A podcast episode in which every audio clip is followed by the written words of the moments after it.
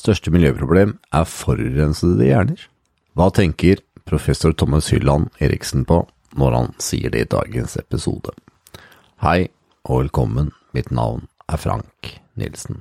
I denne podkastserien prøver jeg å finne ut av hva er bærekraft, og ikke minst hva er alle de forskjellige aspektene av det. Og i dagens episode så har jeg valgt å finne ut av hva er bærekraftig mobilbruk. Og for å finne ut av det, så har jeg fått besøk av professor Thomas Hylland Eriksen. Han er norsk sosialantropolog og professor ved Sosialantropologisk institutt ved Universitetet i Oslo. Sammen med han så er det en annen gjest som jeg antar at du vet hvem er. Hun heter Ane Dahl Torp. Hun har spilt en rekke spennende filmer og serier. Og hun har blant annet vunnet uh, Amandaprisen, Gullruten og Hedda-prisen Ane har et veldig sterkt samfunnsengasjement når det kommer til mobilbruk og barn. Vi snakker det med en overopphetet verden. Vi glemmer å tenke tanker som er lengre enn fem sekunder. Kreativitet kommer å kjede seg, og mye, mye mer. Jeg håper du koser deg like mye med dagens eh, gjester som det jeg gjorde. Det var utrolig hyggelig å prate med dem. Og dagens episode er eh, laget i samarbeid med Sparebank1 Østlandet. Så nå er det bare tusen takk for at du hører på, og kos deg mye med dagens episode. Da ønsker jeg velkommen til Ane Dahl Torp og Thomas Hylland Eriksen. Velkommen til dere begge. Thomas, du har forsket veldig mye på det hvordan uh, samfunnet går hurtig framover. Ja. ja hva er din, uh, hva er din forskning så langt viser? Nei, altså For å gjøre det veldig kort, altså jeg har holdt på med dette her i kanskje ti år nå, og har hatt et svært forskningsprosjekt med også andre forskere, hvor vi har sett på ulike lokalsamfunn over hele verden, og hvordan de reagerer på akselererte endringer. Altså at plutselig dukker opp en gruve i nabobygda, ikke sant. Plutselig så er det en masse forurensning i fjorden så at du ikke kan spise fisken lenger. Eller så kan det være noe positivt, plutselig får du 5G, da. Altså det har ikke kommet ennå, men den type ting. Og så spør folk ofte seg selv hva, er det som skjer, hvem er det som bestemmer dette, hvis jeg er uenig, hvem kan jeg jeg skylde på, og hvor kan jeg gå? Og Problemet er vet du, at hvis du er i en eh, landsby oppe i fjellene i Peru, og det ikke er vann lenger til å dyrke quinoa og vanne lamaene dine, så kan du tro at det kanskje er en gruve, men så sier gruven at nei, dessverre, det er ikke oss, det er de globale klimaendringene. Og hva skal du gjøre da? Hvem skal du da gå til? Hvem skal du skylde på? Hva skal du gjøre? Så det er den type ting. Hvordan reagerer vi på Fordi endringene nå skjer veldig mye fortere enn noen gang. Altså Siden tidlig 1990-tall så har vi hatt vekstkurver på nesten alle områder som peker rett til værs. Alt fra turisme og plast i havet, ikke sant, til antall antall smarttelefoner i verden, antall flyreiser eh, osv. Så, videre. så eh, forandringene skjer enormt raskt. Urbanisering i sør, altså det er jo byer som vi aldri hadde hørt om før, som nå har fem millioner innbyggere i, Kina og deler av Afrika. Eh, så det er den type ting jeg ser på. Og jeg bruker begrepet overheating, overoppheting, som en sånn samlebetegnelse for det. Og nå er dette prosjektet egentlig avsluttet, men jeg fortsetter litt til, og nå skriver jeg en bok om smarttelefoner, som er en brikke som ikke var på plass i den første runden, som jeg følte manglet. Og så har jeg en kollega som uh, jobbet sammen med, og hun skrev om containerskip. For det hadde vi heller ikke noe på.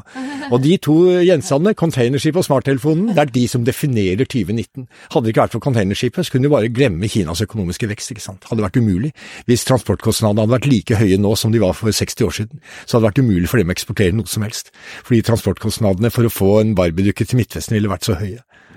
Og nå koster det nesten ingenting. Hva tenker du om smarttelefonen og hva viser den da, Thomas?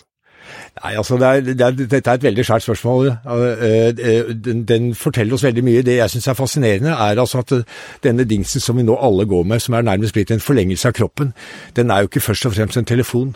Så Jeg husker da den første iPhonen kom i 2007, så fant vi ut at den var litt dårlig å ringe med. og så lo vi litt av det. Og da hadde vi ennå ikke skjønt at dette her er ikke en telefon. ikke sant? Det er en trojansk hest som later som om det er en telefon, og i virkeligheten er den en eh, multimediamaskin som du kan bruke til alt mulig. Google Maps, hvor du alltid er universets midtpunkt, etter hvert sosiale medier, hvor du også kan late som om du er universets midtpunkt, ikke sant, fordi alt handler om deg. Ehm, du kan lese nyheter, du kan lese Goethes dikt, ikke sant, du kan se på fotballkamper, eh, og du kan sjekke fakta på Wikipedia. Og du kan selvfølgelig gjøre veldig mye annet.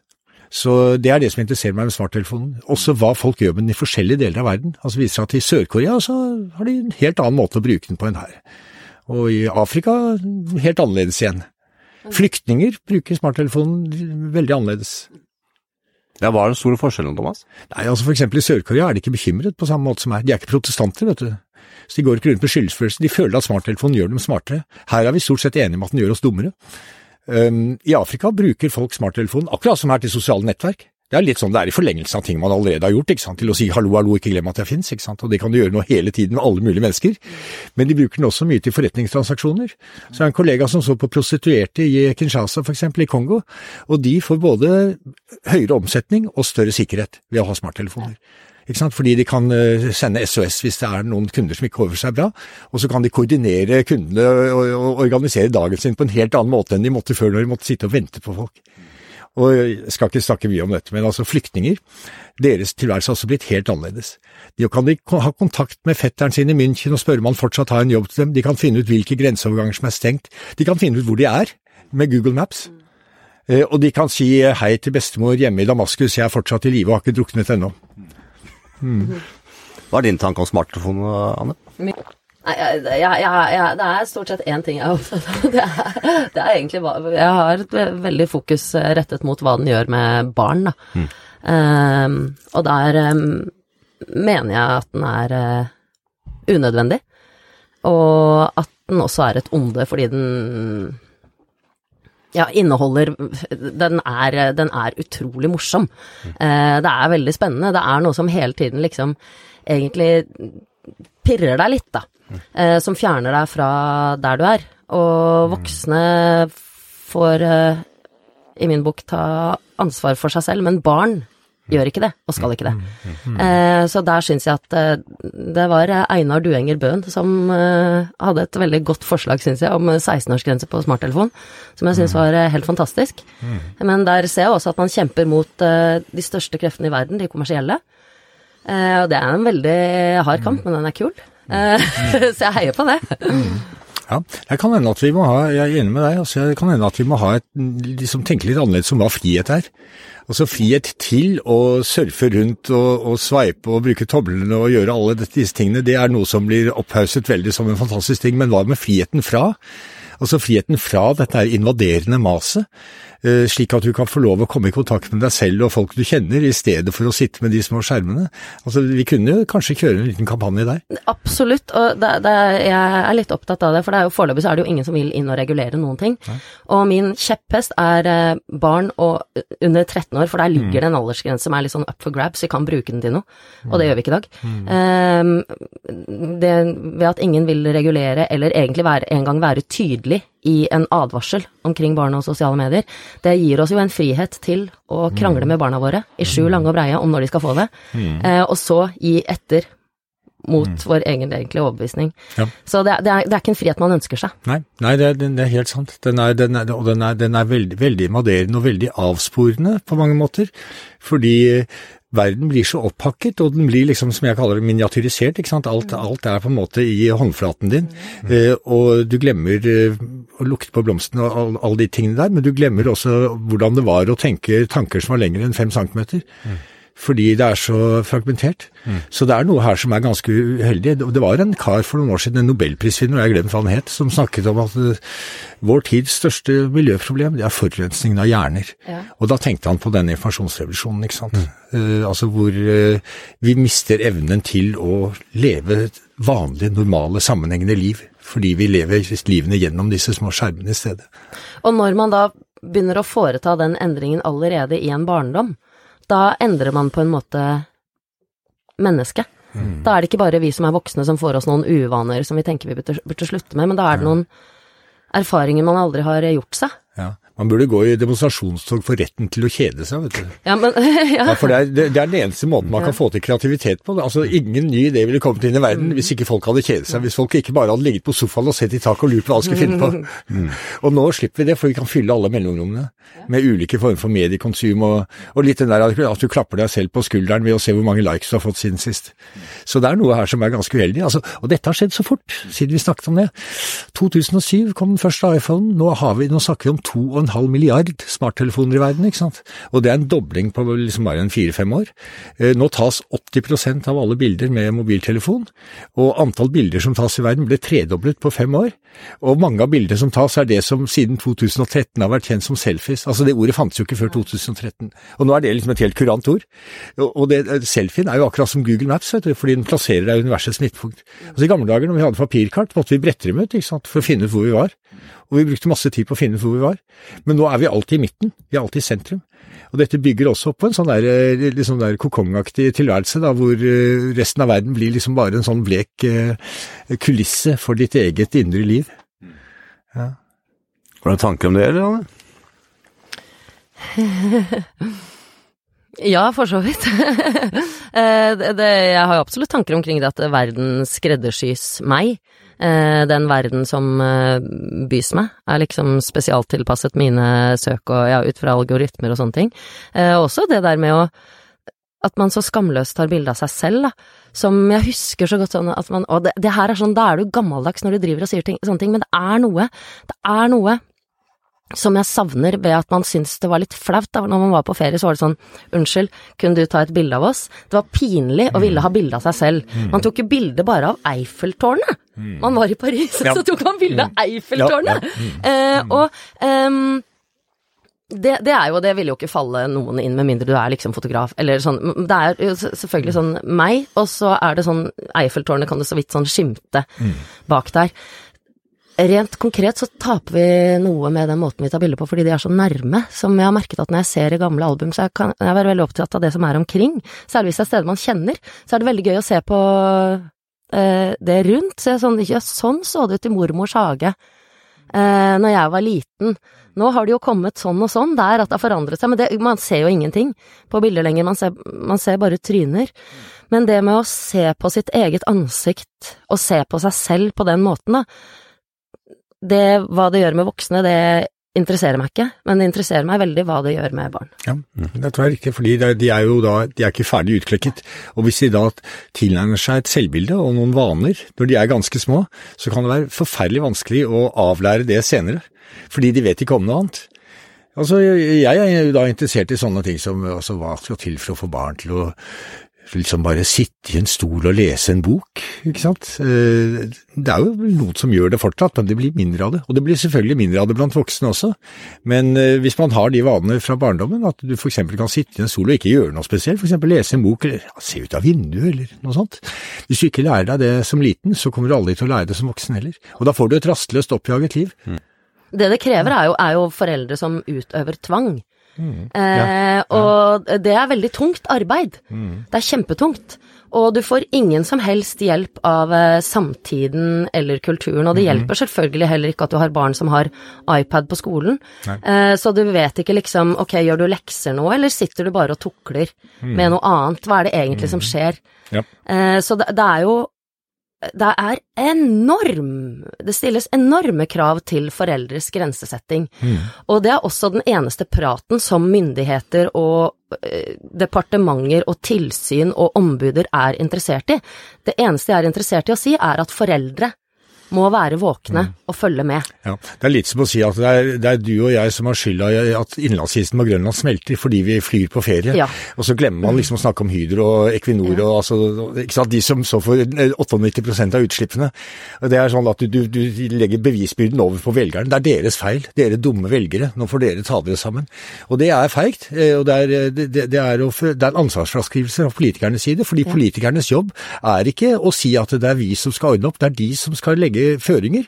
Altså Det er som de sa i gamle dager, eh, det var Tage Erlander i svenske sosialdemokrati som sa at eh, vi kan snekre dansegulvet, men eh, da må folk sjæl lære seg å danse. Og de har ikke snekret det dansegulvet ikke sant, for sosiale medier og, og bruk av smarttelefoner. Så der er det en jobb å gjøre. Og jeg tror det er ganske viktig at vi får noen ordentlige kjøreregler, tydelige kjøreregler. For som du sier, du får ikke noe støtte noe sted, og hvis du selv er en forelder som ikke vil at barna dine skal bli hekta på dette her og narkomant avhengig av en masse vås, så får du problemer fordi alle andre har det. Og hvem vil at ens eget barn skal bli isolert, ikke sant? Ingen, og det er det, og det stiller også enorme krav til, til din selvtillit som forelder, eh, og også på vegne av ungen din. Eh, det, det er knallhardt, altså. Ja.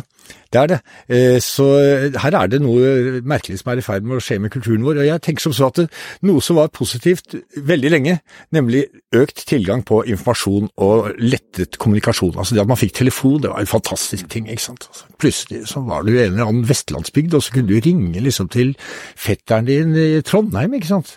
Eh, Mens man tidligere hadde måttet vente til dampskipet liksom kom og gikk, og det kunne gå uker og, og så videre.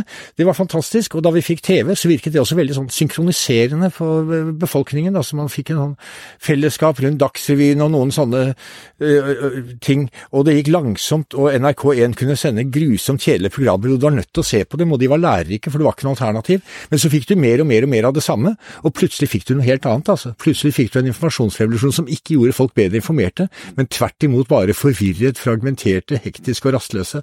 Så her er det en sånn, det en, jeg tror vi kan se på dette som en form for narkomani, og jeg har hørt om sånne, det har du også, ikke sant, digital detox, altså måter å avvenne seg, dra på sånn eh, meditasjonsretreat i ti dager hvor du må legge fra deg mobilen.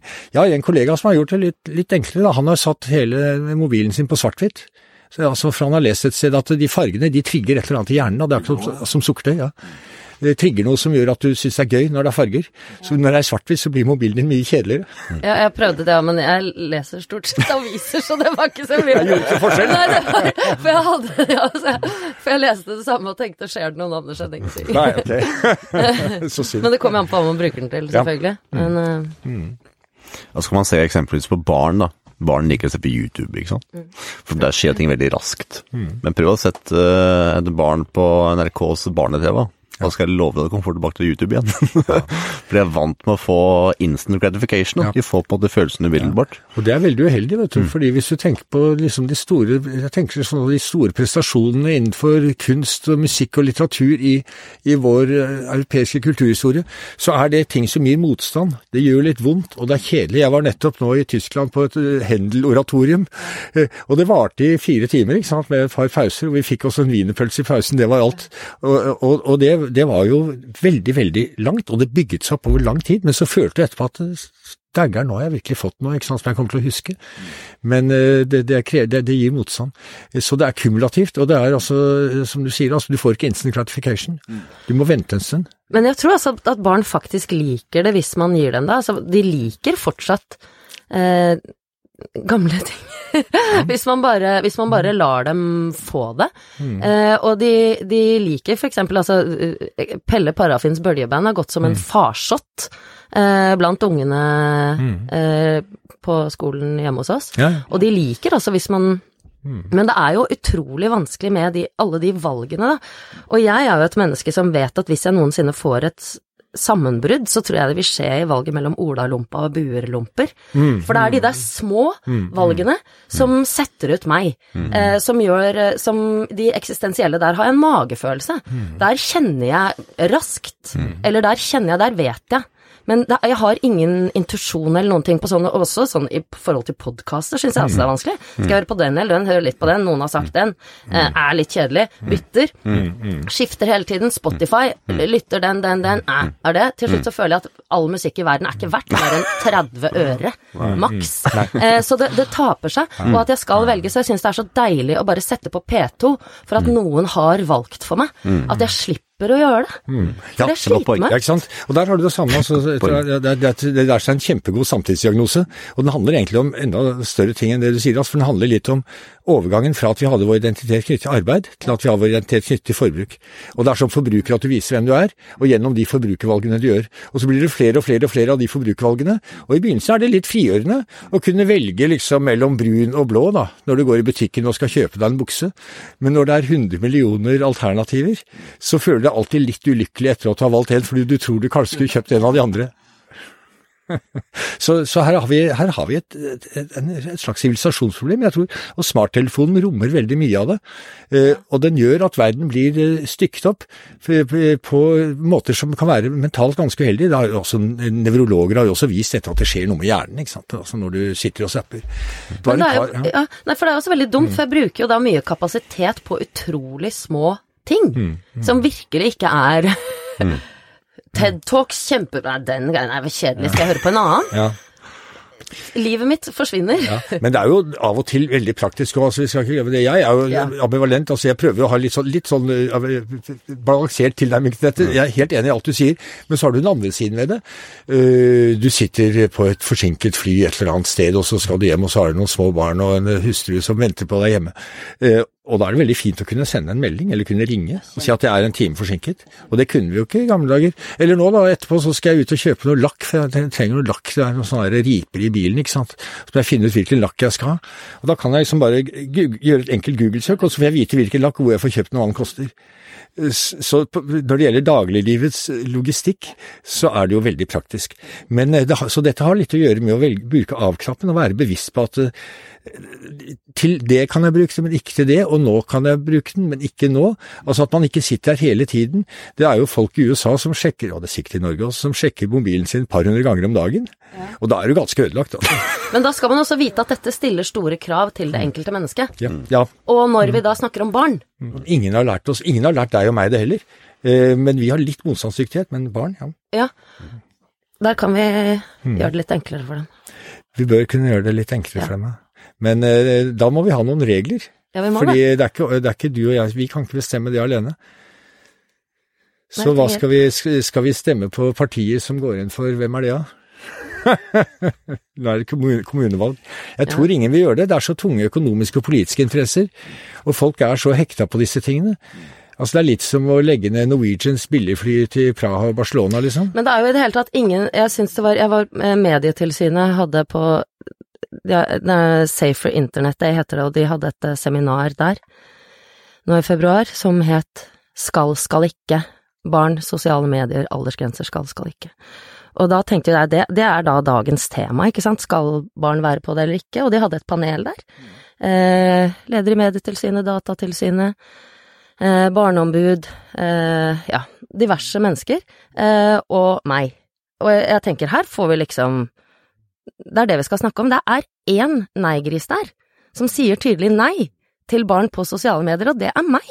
Det er ingen andre, og det er dagens tema. Alle de andre sier hva kan vi gjøre? Digital kompetanse, foreldre må være våkne, lære barna nettvis, bla, bla, bla. Det er ingen som tar til orde for. Og ikke engang, de tar ikke engang til orde for å levele opp den samtalen omkring De sier bare at man skal ja, lære nettvett, og det er ikke en beskyttelse mot en fundamental endring av barndom og mennesker og en ja.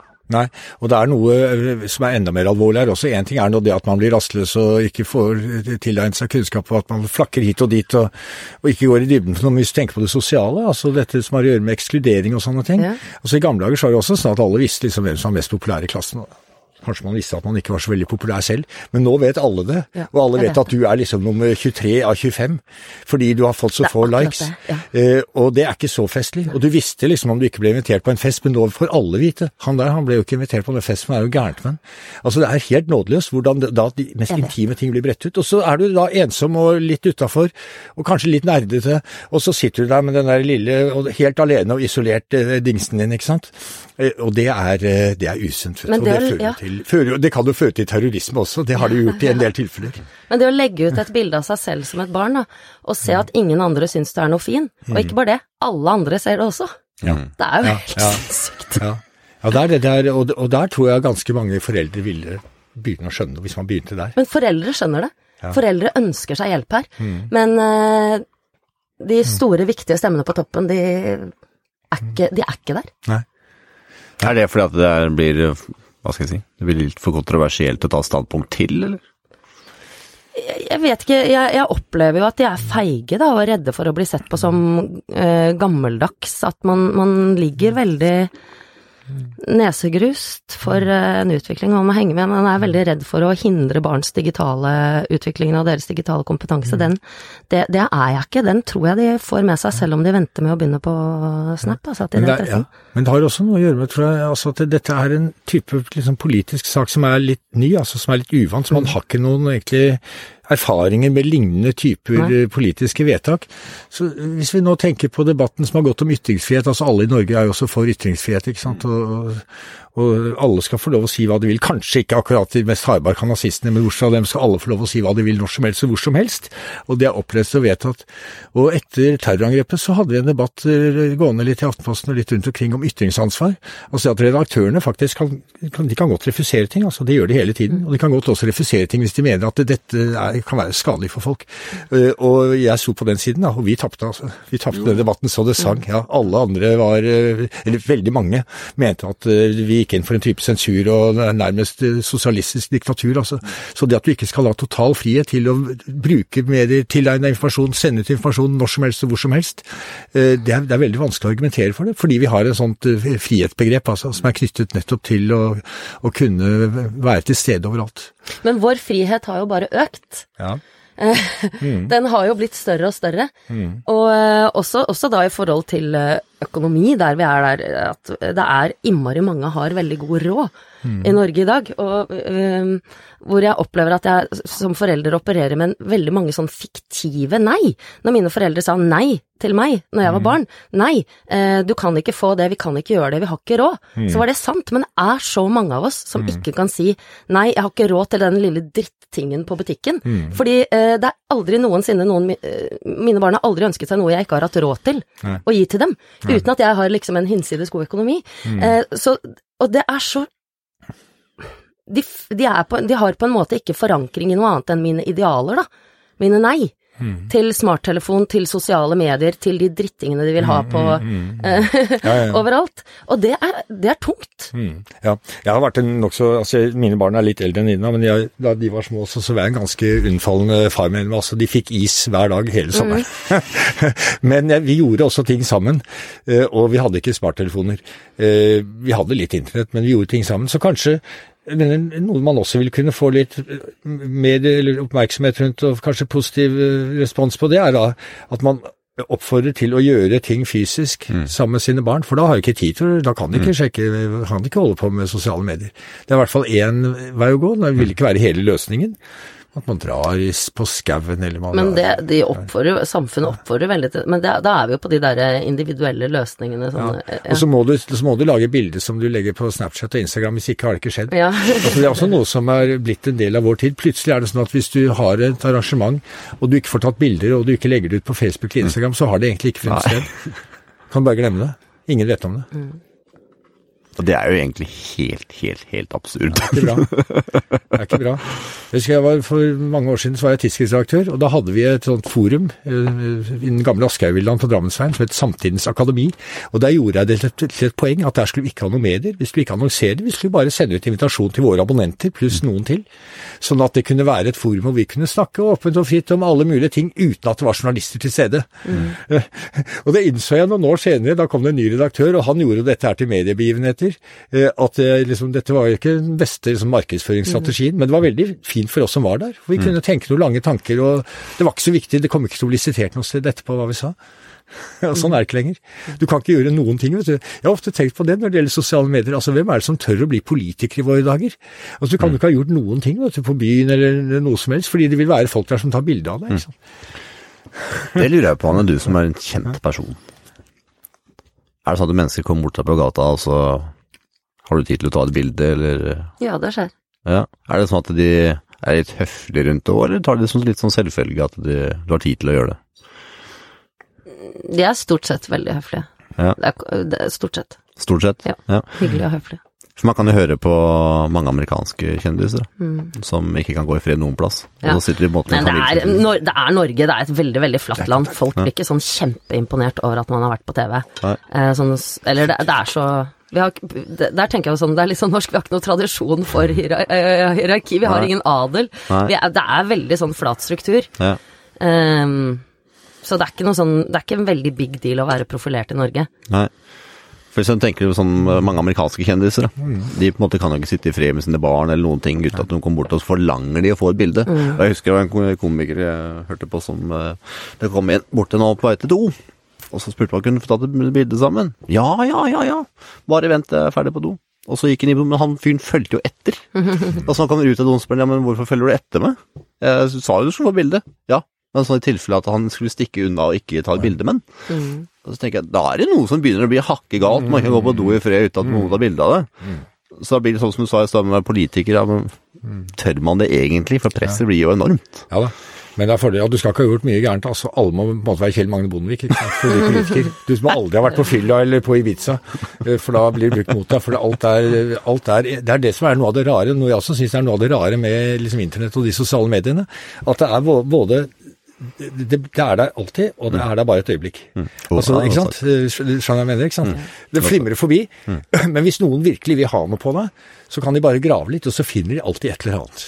Et eller annet dumt du har sagt, eller et stygt bilde av deg, eller altså et eller annet som de kan bruke mot deg. Så det, li- for det, alt ligger arkivert. Det, det, er, eh, det, er interessant. Men altså fordelen, som du sier, Anna, som vil være bo i et lite land, men nokså flate strukturer, altså med sånn lite hierarki og sånt, noe, det er jo nettopp det at vi, vi er på fornavn med hverandre. altså Det er lite som er en big deal. ikke sant? I gamle dager var det sånn at Jens Stoltenberg han syklet i Nordmarka, Ja. ikke sant? Og, og du møtte, jeg husker jeg var jo gikk i Nordmarka, og så møtte du Jonas Gahr Støre, og så slo du av en prat med han, liksom. altså Det var ikke noen big deal.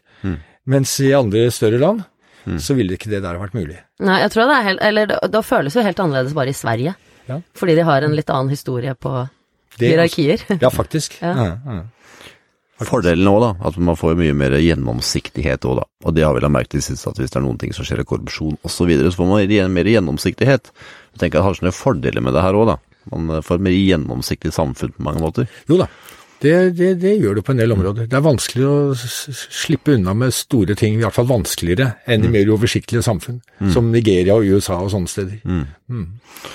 Hva tenker du om hvis vi får et gjennomsiktig samfunn, da, Anne? Hva jeg tenker Hva tenker man vi får et gjennomsiktig samfunn? om det Mm.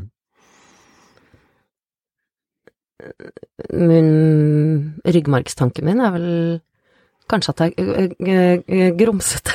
Eller at det er vanskelig å se, egentlig. Ja. Uh, føler jeg, for det kan godt hende at det er riktig at det er gjennomsiktig, men det er jo også veldig mye, da. Mm. Uh, så det er vanskelig å skille skitt og kanel. Uh, Ja, sånn. eller jeg syns det.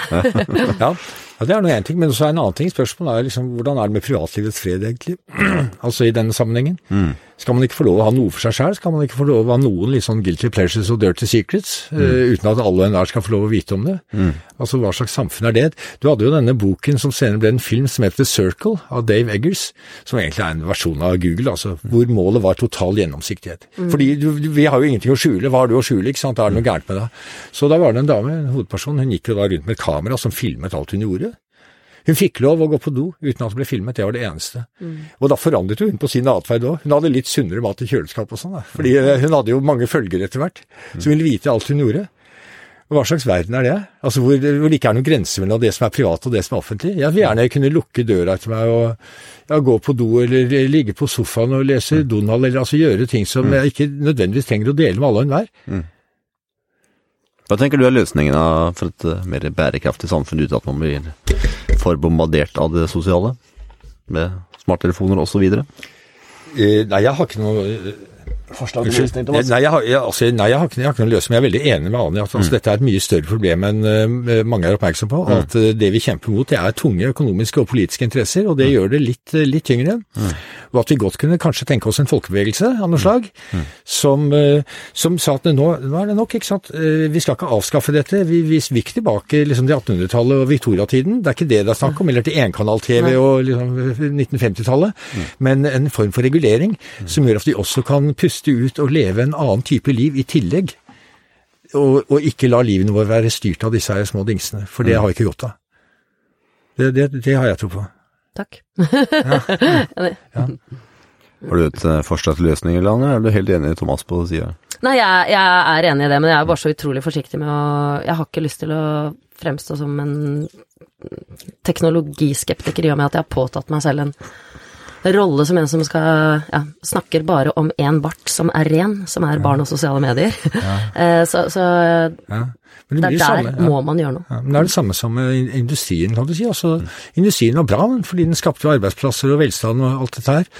Og ø, i, Nord-Norge så sa du alltid det at det lukter penger, ikke sant, når det stinket av fra fabrikkpipene. Fordi de visste at alternativet var så mye verre. Men så oppdaget de alle bivirkningene.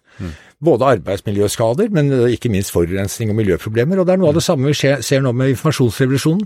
Jeg husker jo 90-tallet en fantastisk opptur da vi fikk liksom internett og alle disse mulighetene til å skaffe oss informasjon og til å maile med folk på New Zealand, og det var ikke grenser. Men så kom det et punkt hvor det tippet over, ikke sant, hvor det ble for mye. Så hvis vi kunne komme tilbake til et sted hvor det var passe mye, så, så tror jeg det ville være en bra ting.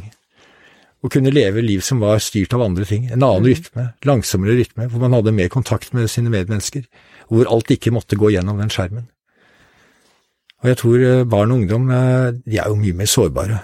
Også sosialt, ikke sant. Altså det, det går jo veldig gærent med mange. De får depresjoner og selvmordstanker, ikke sant. De som da føler seg utafor.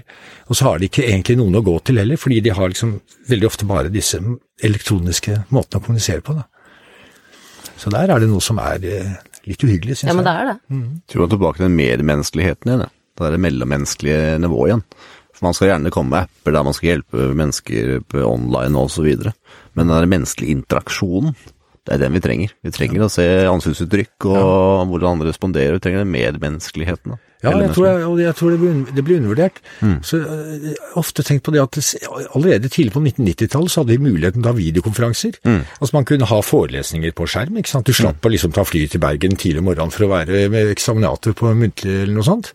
Og vi fortsatte likevel å gjøre det, å ta fly til Bergen. Og det tok tid, det kostet penger, og det var ikke bra for miljøet, men vi fortsatte å gjøre det. Og det tror jeg var fordi vi skjønte at det å være i samme rom, det gjør noe med deg, ikke sant. Fysisk. Å være i samme rom, det gjør noe med deg. Det. Det blir annerledes. Og alle disse her kranglene man ser på Facebook, jeg har ofte tenkt at de ville få en helt annen form hvis folk i stedet hadde sittet og tatt en øl sammen. Ja, uten tvil. Ja. Uten tvil. Du har- Øyekontakt og alt, alt mulig sånt. Gester, altså alt det der blir borte. ikke sant? Du, du får en veldig sånn endimensjonal Det er også en ting jeg er litt opptatt av i forlengelse av dette, det er dette med kunstig intelligens. Jeg vet ikke om du har noe forhold til det? Altså Google og Alexa og Siri. altså, Vi henvender oss til dem på en bestemt måte. Fordi de skjønner jo ikke ironi, og de Nei. forstår ikke liksom tonefall, og de ser liksom ikke om du har glimt i øyet eller ikke, så du må være veldig entydig og klar. Siri er ganske morsom. Ja, Siri har litt humor. Ja. Men, eh, men jeg har ofte lurt på om vi begynner å snakke sånn til andre mennesker også. Om vi venner oss til en sånn måte å kommunisere på, da. Ja. Du har jo din egen podkast, Thomas, som heter Hyllands verden. Ja. Hva var bakgrunnen for at du starta denne? Det var fordi jeg hadde lyst til å gjøre noe annet. Tenkte, altså, Jeg har alltid drevet med formidling av forskning og lignende ting, og det der kunne jeg ikke, så jeg hadde lyst til å prøve. Så det er en bratt læringskurve, men jeg har lært litt. Jeg har holdt på et halvt år og hatt eh, tolv episoder om smarttelefoner, rett og slett. Jeg har snakket med forskjellige folk om smarttelefoner. Både forskere som har jobbet med dette her hele sitt liv, eller mye av sitt liv, med teknologi, og vanlige interessante mennesker som har meldinger eh, om dette. her. Så jeg hadde visst om ditt arrangement. Nå er det litt seint nå, for nå har jeg allerede snakket om det. Så ville jeg ha prøvd å få deg over. Men eh, ja, det, det, det var det. Og til høsten så blir det nok litt andre temaer. Hva er konklusjonen din etter de tolv episodene? Det er at podkast er et godt medium, fordi det er faktisk langsomt. Ja. Ikke sant? Altså Sammenlignet med veldig mye annet. Og du kan ha det på når du sitter i bilen, eller når du sitter på toget, ikke sant? når du vasker opp. Og, så kan du ha, og det har jeg ofte selv nå, en podkast i bakgrunnen, så sitter du og hører på en samtale som foregår i et rolig tempo om et eller annet tema som du er enten interessert i, eller som du oppdager underveis at du er interessert i. Så jeg har veldig sans for det. Ja, så kan det være litt klumsete òg. Ja da, Eller det gjør ikke noe. Ja, det gjør ikke man noe. kan miste tråden, eller Det gjør ikke noe, det. Nei, det gjør ikke det. Det er litt gøy. Ja. Av de tolv episodene, Thomas, eh, hvilken, eh, hvilken gjest og tematikk er det som eh, har engasjert deg mest? Nei, Det er vanskelig å si, så jeg har ikke fremhevet noen. Men altså, den aller første gjesten jeg hadde, det var Eirik Knut. Som, Eirik Knut, som er, han er sånn populærvitenskapelig forfatter, skriver mye vitenskapsbøker for ungdom og festlig fyr. Snakker like fort som meg, og veldig kunnskapsrik. Så det var sånn jeg tenkte med Eirik i studio, så blir det i hvert fall ikke noen pinlige pauser. og han er, han er sånn optimist, han er teknologioptimist, vet du. Så han la vekt på de positive sidene ved smarttelefonen. Han sa f.eks. at når han gikk tur i Oslo og hadde Google Maps, så kunne han, når han gikk på Ullevål sykehus, kan han liksom bare klikke på Google Maps, og så fikk han vite litt mer om Ullevål sykehus når det ble bygget, og de forskjellige husene. og Så han er avansert bruker, da. Eh, Så det, det, var, det var veldig gøy. Så det startet med en opptur, og så ble det, gikk det bare nedover. Jeg må si tusen takk til dere begge. Tusen takk for at du tok deg tid, Thomas, og tusen takk, Anne. Tusen takk. Ja, det var uh, veldig interessant å høre deres uh, forskjellige aspekter, men jeg er veldig enig, da. Vi trenger et lovverk og en regulering av uh, Større bevissthet, økt bevissthet rundt problemene, rett og slett. Ikke minst på toppen. Ja. De som faktisk har tunge ord. Ja, ja. Tusen takk. Takk skal du ha. Bra.